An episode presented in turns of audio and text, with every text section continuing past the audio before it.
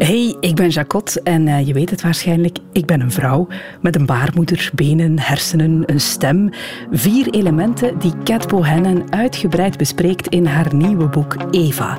Wat de evolutie van het vrouwelijk lichaam zegt over wie we zijn. Ze haalde daarmee de New York Times bestsellerlijst en inmiddels is het boek in 24 talen vertaald, waaronder het Nederlands. We hebben het erover in deze voorproevers met een andere vrouw, historica, Dr. Tinne Klaas. Welkom. Voorproevers. Welkom, Tinne Klaas. Hoi, alles goed met jou? Hallo, jazeker. Jij bent uh, postdoctoraal onderzoeker, momenteel bezig met de geschiedenis van ongewenste kinderloosheid. Maar daarvoor heb je ook al een doctoraat behaald over het ontstaan van anatomie als medische discipline. Dus jij leek ons wel de geschikte persoon om dit boek Eva van uh, Cat Bohannon mee te lezen. En vooral ook ja, context te geven, dat vooral ook. Vertel eens, wat zijn jouw eerste indrukken zo van het boek? Goh, ik vond het een heel uh, leuk um, boek. Nu, het gaat voor mij minder over geschiedenis dan wel over evolutionaire biologie. Dus eigenlijk wat Cat Bohannon doet, is die evolutionaire biologie voor de eerste keer um, vertellen met de focus op het vrouwenlichaam.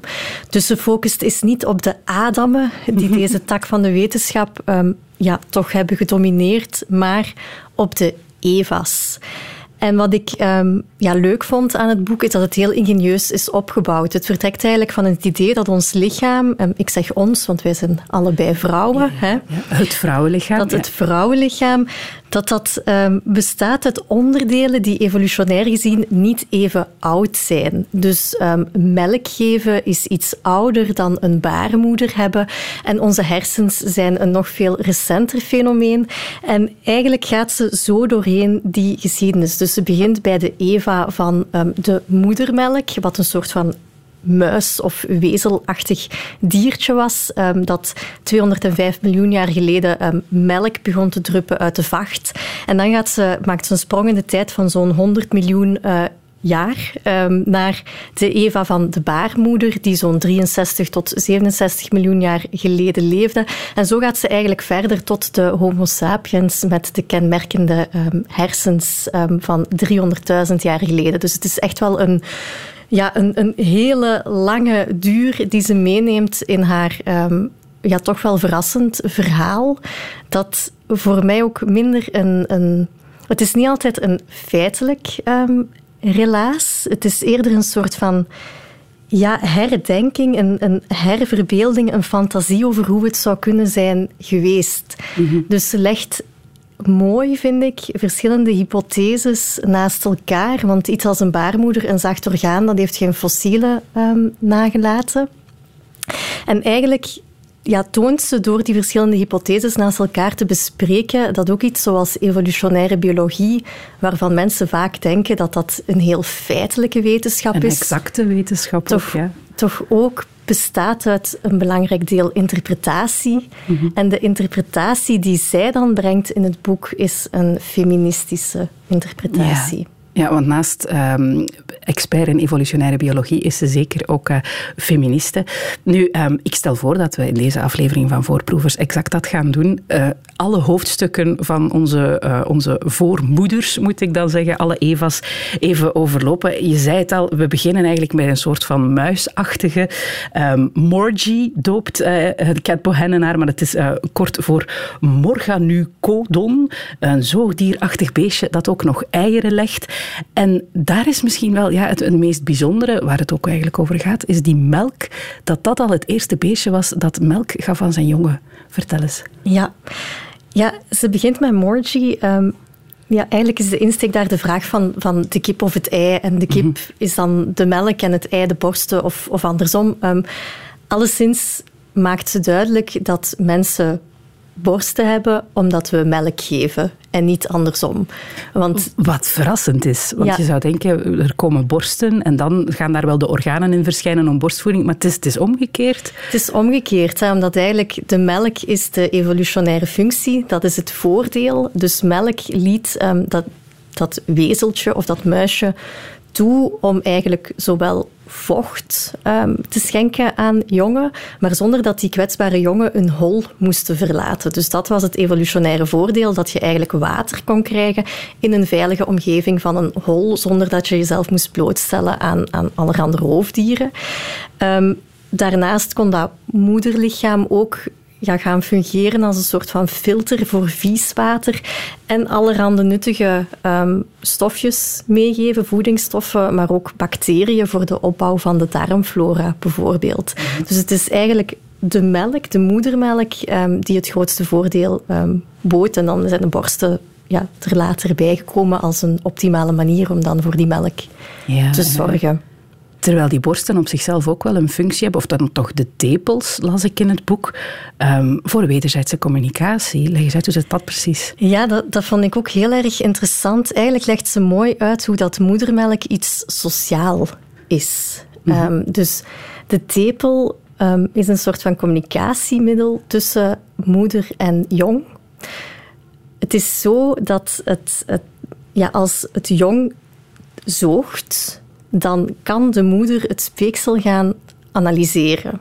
Ehm, niet bewust natuurlijk, maar het lichaam uh, doet dat. En als dan blijkt uit die speekselanalyse dat het jong bepaalde tekorten heeft of een infectie doormaakt, dan wordt de volgende voeding daarop aangepast. Dus eigenlijk is het een communicatiemiddel. het jong zegt via het speeksel: Ik heb iets tekort. En de moedermelk gaat dan dat tekort proberen verhelpen. Andersom, Ehm, kan ook de moeder iets vertellen over de wereld aan haar jong via die melk. Ehm, bijvoorbeeld melk van heel gestresseerde um, moeders heeft een andere samenstelling van uh, ja, niet gestresseerde moeders. Dus eigenlijk kan je via moedermelk ook als jong dan gaan aflezen dat de wereld gevaarlijk is. En dat heeft dan ook allerhande gevolgen voor ja, voor hoe je je moet gedragen. Dus die tepel is een soort van communicatiemiddel. Ja, ja en voor hoe je ja, je moet behoeden voor wat er allemaal eh, op je af kan komen. Um, nu, misschien een, een beetje een indiscrete vraag, Tinne, maar uh, hoeveel vagina's heb jij? Eén. Uh, ik ook. Uh, en dat is uh, bijzonder, want een van onze voor-Eva's, een van onze voormoeders, die, die had er meerdere. Donna wordt die genoemd door Cat Bohannon in het boek. Dat is kort voor Protungulatum donnae. en dat was een, een, een nieuw wezentje um, met meerdere vagina's. Maar wat was vooral het verschil tussen Donna en, en Morgie, Tinne? De baarmoeder. Ja. Mm -hmm. Leg uit. Um, ja, um, Morgie legde nog eieren. Hè? Um, dus legde eieren, de jongen kwamen uit en dan kon ze vocht druppen via de vacht. Terwijl Donna heeft een baarmoeder, dus gaat haar kinderen eigenlijk laten... ja, in plaats van een eierschaal te gebruiken, gaat ze haar lichaam gebruiken. Dat was een evolutionair voordeel. ja, ten tijde van de apocalyps, uh, zo staat het in het boek. want Morgie leefde Ehm, toen dat de asteroïde op de aarde insloeg, die ehm, alle dinosauriërs, of toch alle niet-vliegende dinosauriërs, heeft uitgeroeid. Mhm. Ehm, wat klimaatschommelingen met zich meebracht, warmte, koude. En het is in die context dat het waarschijnlijk een voordeel was om je jong uit te broeden in je lichaam. Mhm. En om af te stappen van, uh, van die eierschaal. Nu, daarvoor moest het, het lichaam van Donna wel helemaal veranderen, want we, we komen van een cloaca die dan plots werd opgesplitst in verschillende in- en uitgangen. Um, nu, dat is wel bijzonder, want in de ontwikkeling van een foetus kan je dat nog altijd zien. Ja, ja het staat ook mooi geïllustreerd in het, uh, in het boek. Dat een foetus eerst ook een soort van cloaca heeft die dan verder gaat opsplitsen in, uh, in al de rest.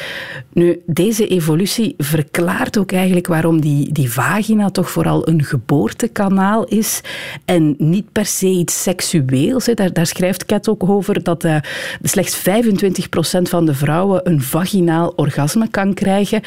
En toch kunnen vrouwen genieten van seks, bijvoorbeeld door stimulatie van de clitoris. Dat is, zelfs in ratten is dat uh, vastgesteld dat vrouwen dat fijn vinden.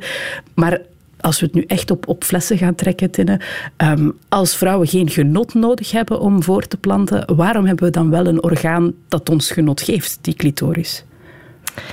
Ja, je moet gewoon een onderscheid maken, denk ik, tussen een vagina en een clitoris. En het genotsorgaan bij vrouwen is net uh, die clitoris. En het is niet omdat je het strikt gezien niet nodig hebt voor voortplanting dat het ook geen uh, nut heeft. Want het is natuurlijk, um, zeker voor een, voor een soort als de mens, waarbij het evolutionair gezien um, weinig waarschijnlijk is, staat ook uitgelegd in, uh, in het boek, dat verkrachting een grote rol speelde in het voorbestaan van de soort. Dat is ook anders bij andere diersoorten. Um, maar in een soort als de mens, die toch vrijwillig met elkaar dient voor te planten voor het voortbestaan van de soort, is genot natuurlijk wel een, uh, een evolutionair voordeel als we dan in die termen praten. Ja, en als we het over baarmoeders hebben, dan mogen we vooral misschien ook de menstruatie niet, uh, niet vergeten te bespreken. Als vrouw zou je kunnen afvragen wat daar het evolutionaire nut van is. Maar dat is er dus blijkbaar wel, want Cat Bohennen omschrijft de zwangerschap als volgt. Um, vrouwen menstrueren omdat dat een onderdeel is van de manier waarop we onze demonische, bloedzuigende foetussen weten te overleven ik moet zeggen, als kinderloze vrouw stimuleert het mij niet meteen om aan kinderen te beginnen. Eh, ben jij zelf geschrokken van het cynisme waarmee Cat Bohannon soms schrijft over ja, ik, ik hou, ik hou wel van die ironische schrijfstijl eigenlijk. Dat maakt het ook heel erg helder um, voor mij. Wat ze daarmee bedoelt is dat um, de menstruatie wellicht um, ja, erop gericht is om een soort van headstart te nemen in de oorlog die een zwangerschap is. Hè. Mhm. De oorlog gaat als volgt. De foetus wil eigenlijk bloed, de foetus wil voedingsstoffen en de vrouw wil niet sterven.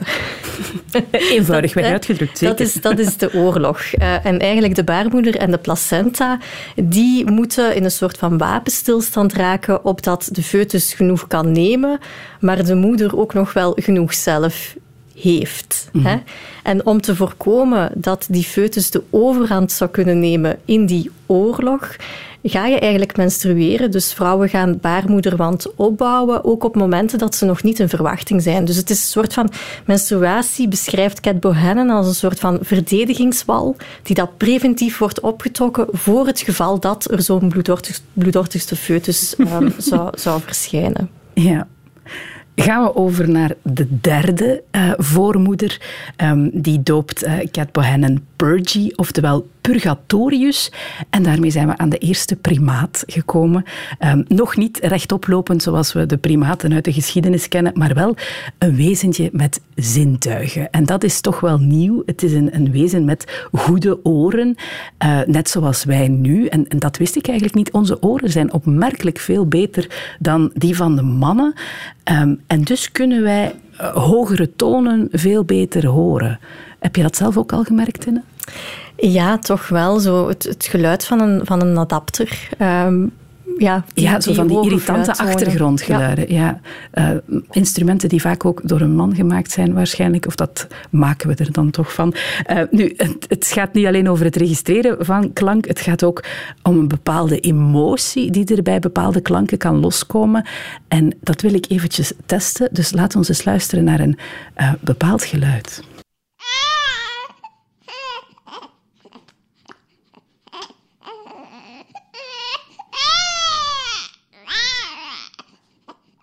Tinne, voel je het al? Komen er emoties los bij jou? Ja, ik heb daar zelf minder last van. Toont dat we toch ook niet volledig evolutionair um, bepaald zijn.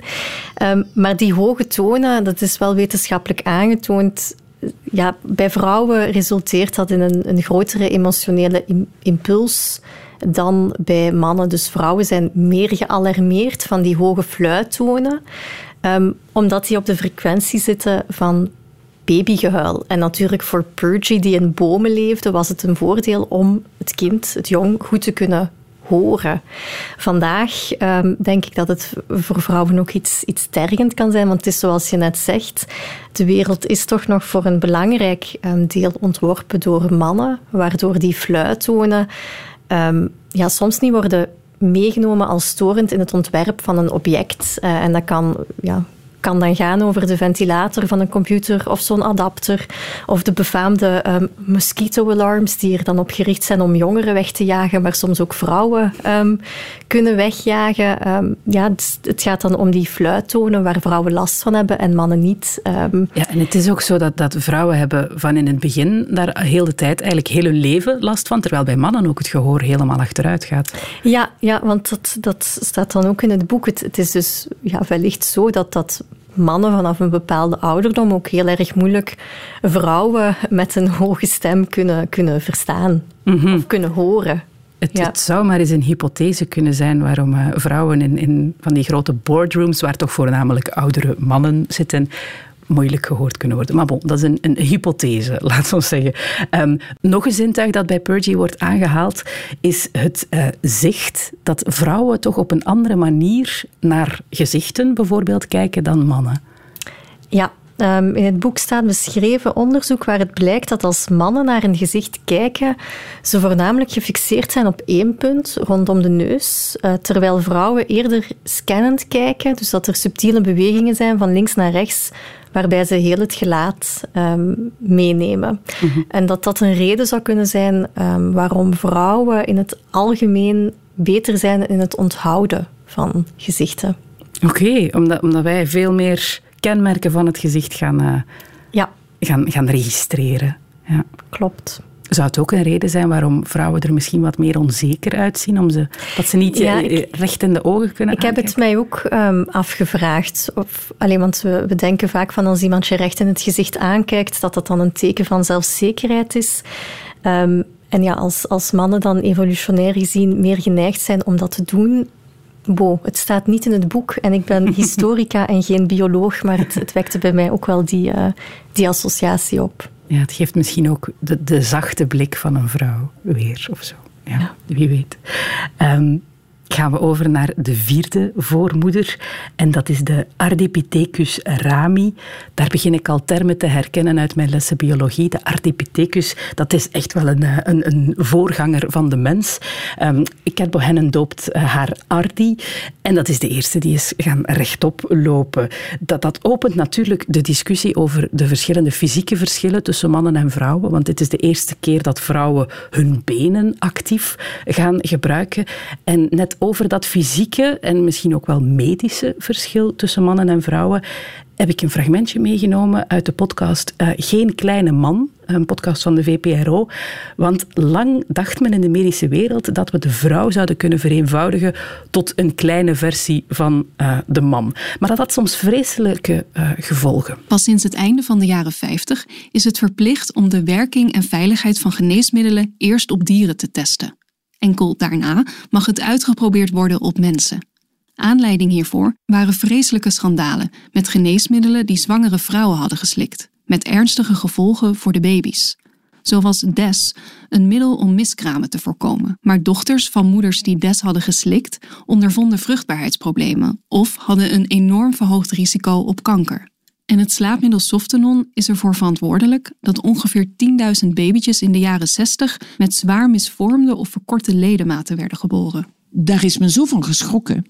Dus toen werden eigenlijk vrouwen uitgesloten vanwege de angst voor de zwangerschap. Vrouwen werden dus bewust nog verder uitgesloten uit tests en onderzoek, terwijl ze daarvoor ook al liever niet betrokken werden. Omdat voor proeven moet je natuurlijk een soort stabiele proef persoon hebben. En vrouwen waren minder stabiel hormonaal dan mannen dat waren. Ja.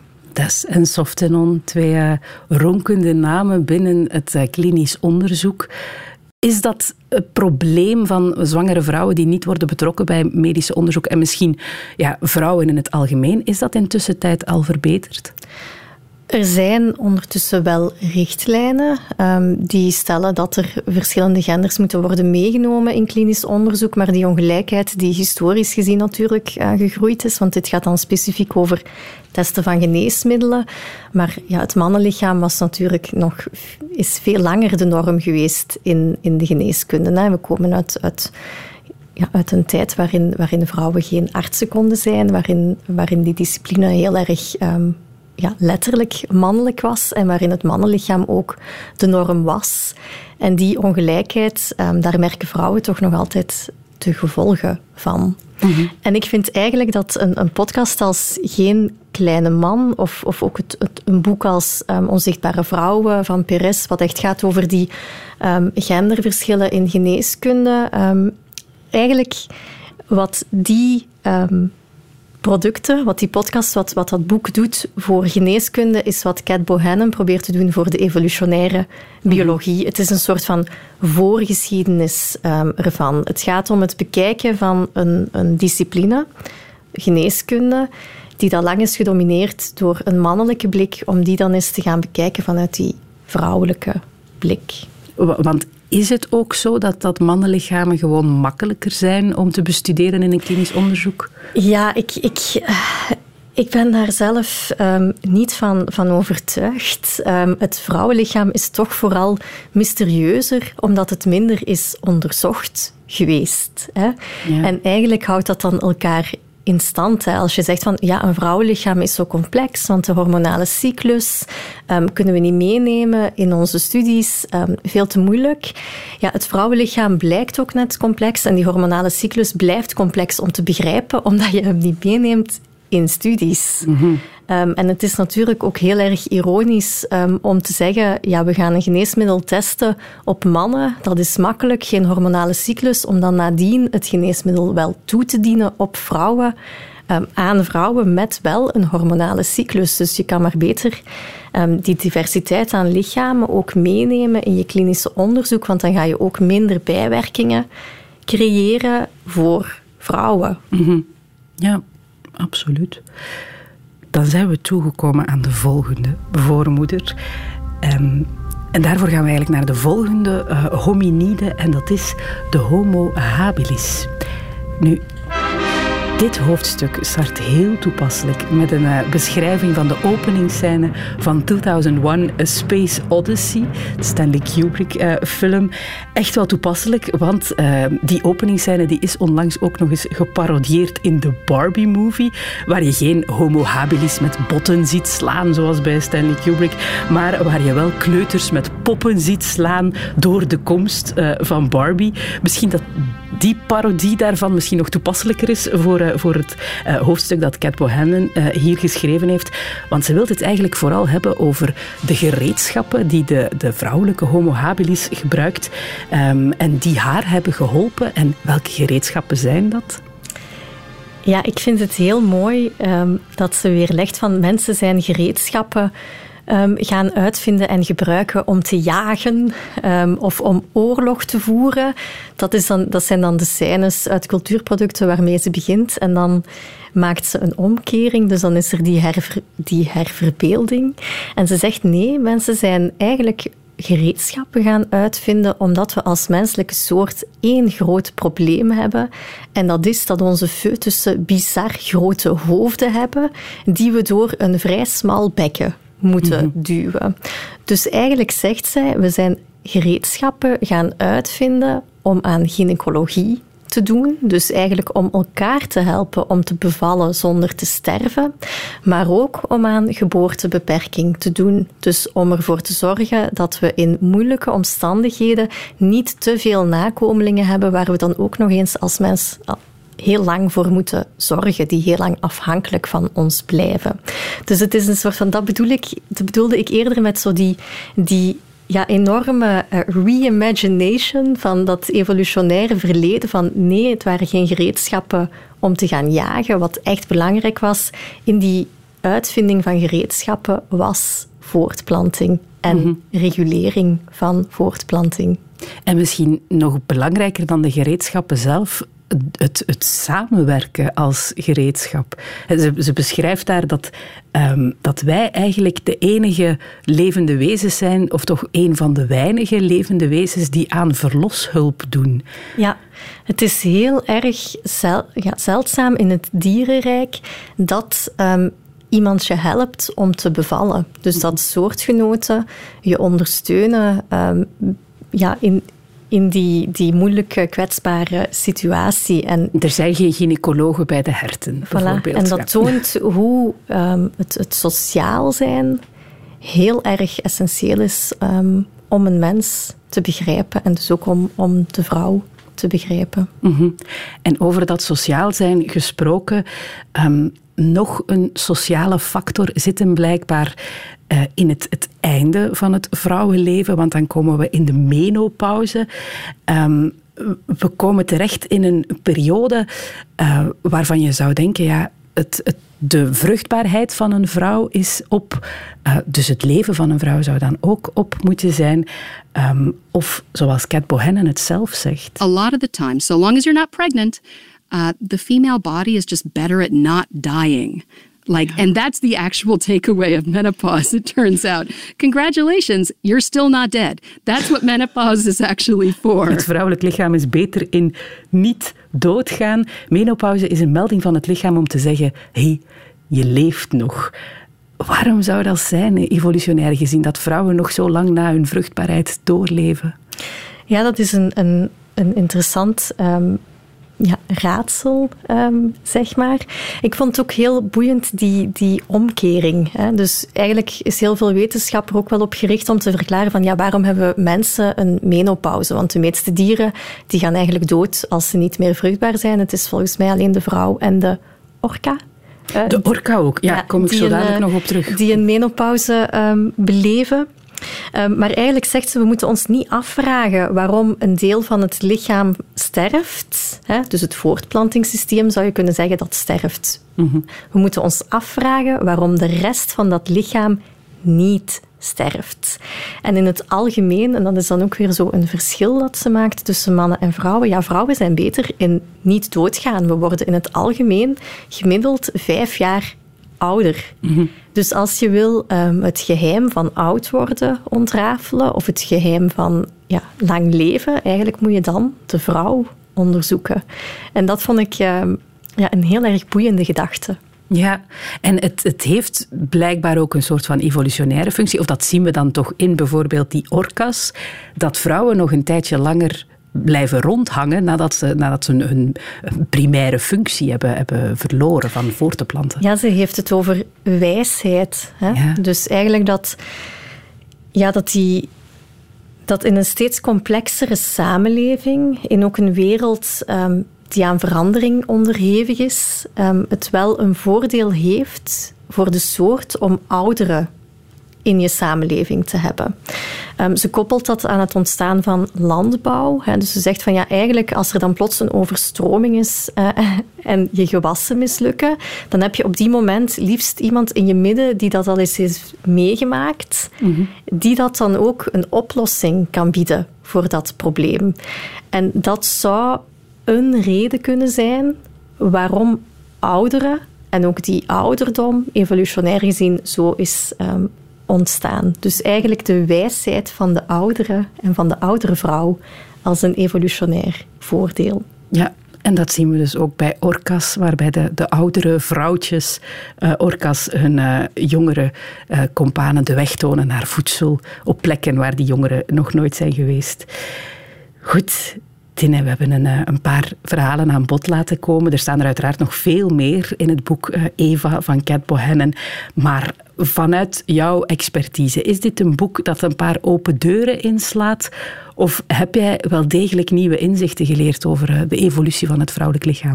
Ik heb enorm veel geleerd, omdat ik geen bioloog ben maar Uiteraard. historica. En mijn, mijn hoofd gonst echt van de weetjes, want het is ook wel echt een weetjesboek en het is heel vlot geschreven. En in die zin heb ik het dus graag gelezen. Um, waar ik wel um, wat mee bleef zitten soms, is dat het is ergens ook wel een gevaarlijk boek Okay. Um, wat bedoel ik daarmee? Um, mensen zijn geneigd om heel veel belang te hechten aan de studie van de natuur, de studie van biologie. Er is een soort van verwachting dat de natuur een, ja, bijna gelezen kan worden als een handboek van wat je dan moet doen. Er zit ook vaak een morele laag aan van, ah ja, het lichaam is gebouwd om, is, evolution, is evolutionair gezien um, zo geworden, dus ik moet me dan ook zo gaan gedragen. Mm -hmm. um, dat um, vind ik zelf wat moeilijker en daarom vind ik het toch belangrijk om te benadrukken dat voor mij dit boek minder gaat over mensen dan wel over dieren. Ehm, dus ik geloof als historica niet dat wij gedetermineerd worden door ons lichaam en dat er wel een groot verschil bestaat tussen ehm, ja, wat, wat ons lichaam is. En dan, hè, de titel is Wie we zijn. wie, wie we zijn gaat natuurlijk vooral over wat we doen. Mhm. En wat we kiezen om te doen als individu en als cultuur. Eh, en dit boek gaat, gaat over biologie, maar het gaat niet over wat over individueel gedrag en het gaat niet over ehm, de maatschappij. Een, het, het hele ja, nurture-nature uh, discussie. Worden we met iets aangeboren of zijn het maatschappelijke normen die we meekrijgen ja. doorheen de geschiedenis? Nu, ik geloof dat die dingen naast elkaar kunnen bestaan en eigenlijk... Um, doorheen het boek maakt ze dat ook wel vaak duidelijk. Van het is niet omdat het lichaam um, zo is geëvolueerd om een zwangerschap te overleven, dat je ook per se voor die zwangerschap moet kiezen. Ehm, maar het blijft wel zo dat een biologisch essentialistisch denken doorheen de tijd wel vaak is gebruikt geweest net om antifeminisme te verkondigen. En in dit boek wordt dan eigenlijk dat essentialistisch denken gebruikt net om een feministische boodschap te verspreiden. Maar ik geloof niet um, dat we moeten proberen om met biologie uh, feminisme te gaan bewijzen. Ik mhm. denk dat feminisme niet iets is wat we lichamelijk gezien moeten zijn. Ik denk dat dat iets is wat we moeten doen, waar we voor moeten kiezen. Um, en ergens vind ik dat ook een hoopgevende boodschap, want het boek toont wel dat ja, evolutionaire verandering is tergend traag. Hè. Het is 205 miljoen jaar geschiedenis. Terwijl vanuit mijn discipline zie ik dat ja, een, een gedragsverandering ja, dat kan, dat kan van vandaag op morgen. En een culturele verandering kan ook op veel kortere tijd. En in die zin um, ja, ik vind dat een positieve gedachte, want we kunnen op veel kortere termijn dan die 205 miljoen jaar wel um, ja, naar een meer gelijke samenleving evolueren. Hè. Dus we kunnen ervoor kiezen om meer onderzoek te doen naar dat vrouwenlichaam, om vrouwen te includeren in klinische studies en om zo de wereld een gelijkere plaats te maken. Maar ik zou het niet beter kunnen zeggen om deze podcast af te sluiten. Dank je wel, dokter Tinne Klaas, om jouw visie te geven op dit boek Eva van uh, Kat Pohennen. En als je nog meer voorproevers wil beluisteren, dan kan dat op VRT Max als podcast. Tot de volgende.